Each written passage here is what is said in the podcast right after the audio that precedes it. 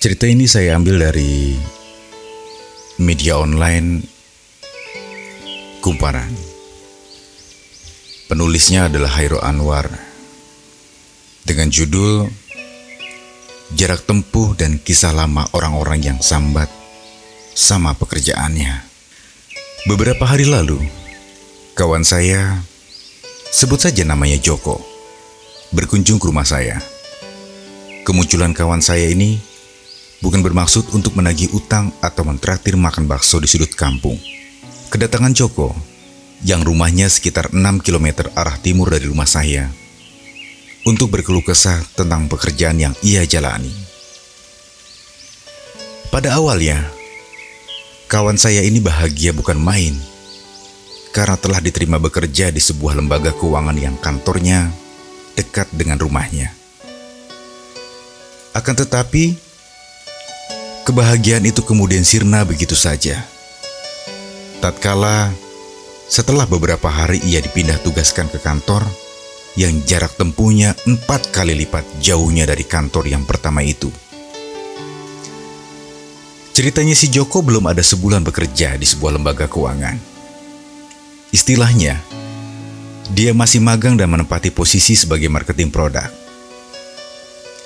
Kawan saya mengeluhkan bahwa ia seperti terbebani dengan target pekerjaan yang harus ia capai. Ia merasa target itu tak sebanding dengan gaji yang bakal ia terima. Di samping itu, ia harus menempuh perjalanan jauh dari rumah. Saya seperti tidak sanggup lagi untuk melanjutkan pekerjaan di sana. Lelah di jalan doang. Pemasukan bulan ini sepertinya bisa habis buat perjalanan pulang pergi. Tak bisa ditabung.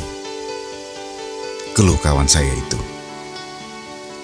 Sebagai informasi, dilihat dari Google Map, jarak rumah kawan saya dengan tempat ia bekerja kurang lebih sekitar 18 km. Bayangkan, kalau pergi pulang pergi Berarti kawan saya itu harus menempuh perjalanan sepanjang 36 km. Saya agaknya bisa membayangkan keluhan yang disampaikan teman saya itu. Terbayang di pikiran saya, dengan menempuh perjalanan yang lumayan jauh, kawan saya itu pasti memerlukan uang saku yang tak sedikit. Guna keperluan beli bensin, makan, dan lain sebagainya. Tapi sejauh-jauhnya tempat bekerja kawan saya itu, masih lebih jauh lagi tempat bekerja seorang guru honorer di pelosok desa yang dia harus melewati berbagai rintangan untuk menuju sekolah tempat ia mengajar. Sungai dan jalan yang terjal mungkin juga harus dilalui. Saya bisa sedikit memaklumi kegelisahan kawan saya itu. Karena memang demikianlah sifat manusia. Manusia dengan segala keterbatasannya punya sifat yang selalu merasa tak puas dengan apa yang sudah dimilikinya. Misalnya dalam pekerjaan. Kawan saya ini termasuk orang yang sudah memiliki pekerjaan. Ia bukan pengangguran. Tapi ia merasa tak puas dengan pekerjaan yang dijalaninya saat ini. Hal itu karena hal yang cukup sepele. Jarak tempuh yang jauh. Mungkin lebih tepatnya, ekspektasi kawan saya yang bekerja di kantor keuangan itu tak sesuai harapan. Keluhan atau curhatan dari kawan saya itu mungkin tak akan diungkapkan Anda ia ditempatkan di kantor yang dekat rumahnya. Meski posisinya sebagai marketing sekalipun. Atau ditempatkan di kantor yang jauh, tapi posisinya bekerja di dalam ruangan. Teller misalnya bukan di lapangan. Tapi begitulah dunia pekerjaan. Terkadang apa yang jadi ekspektasi kita memang tak selamanya berjalan mulus. Layaknya semulus jalan tol Cipali. Realita kehidupan memang demikian. Selalu dinamis. Kadang kita merasakan hal yang enak saat bekerja.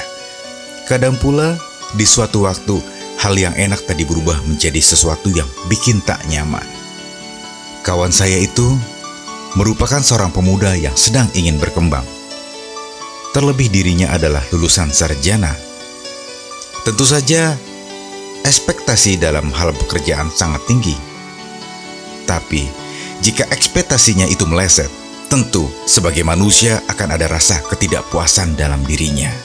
Kawan saya gelisah. Seperti itu karena pekerjaan sebelumnya berlokasi tak jauh dari rumahnya.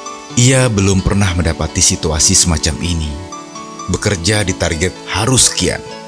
Gaji bulanan yang hanya cukup untuk malam dan beli bensin. Ibarat kata, pengorbanan yang dikeluarkan tidak sebanding dengan apa yang didapatkannya. Meski bukan seorang motivator, saya mencoba untuk menasihati kawan saya itu. Bermodal kalimat sakti. Jalani saja. Jalani saja dulu. Saya coba meyakinkan kawan saya itu untuk tetap bertahan di pekerjaan yang ia jalani saat ini. Jalani saja terlebih dahulu. Lihat progres ke depannya bagaimana. Toh, kerjaanmu juga masih baru kan? Nikmati dulu. Belum tentu kalau resign, kamu akan mendapatkan pekerjaan yang lebih baik dari yang ini. Kira-kira begitu saran dari saya. Wejangan atau lebih tepatnya saran yang saya berikan tentu hanya berusaha untuk meyakinkan kawan saya itu bahwa sebuah pekerjaan semestinya patut dijadikan sebagai sebuah pembelajaran dan pengalaman. Saya yakin kawan saya akan menjadi pribadi yang lebih kuat. Dan saya yakin dengan berbekal pengalaman-pengalaman barunya itu, saya kemudian jadi teringat dengan pepatah.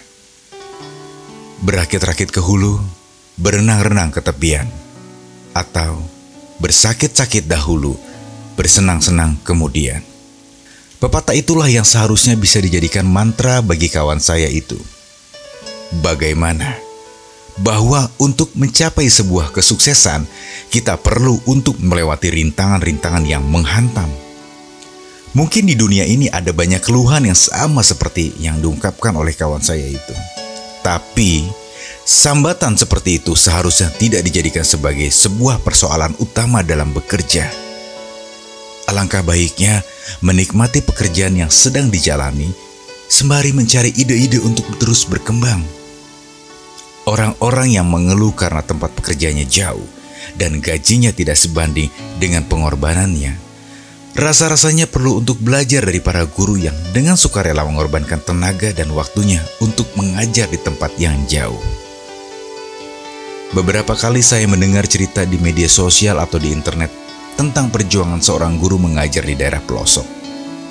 Sarmidi, misalnya, guru asal Gunung Kidul berusia 50 tahun ini rela menempuh perjalanan 160 km setiap harinya demi mengajar.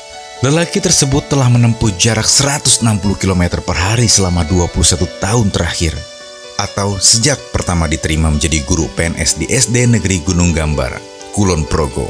Panas ataupun hujan telah menjadi santapannya setiap hari. Belum lagi dengan kondisi jalan yang terjal yang harus ia lewati. Meskipun tempat kerjanya jauh, Sarmidi tak pernah sambat.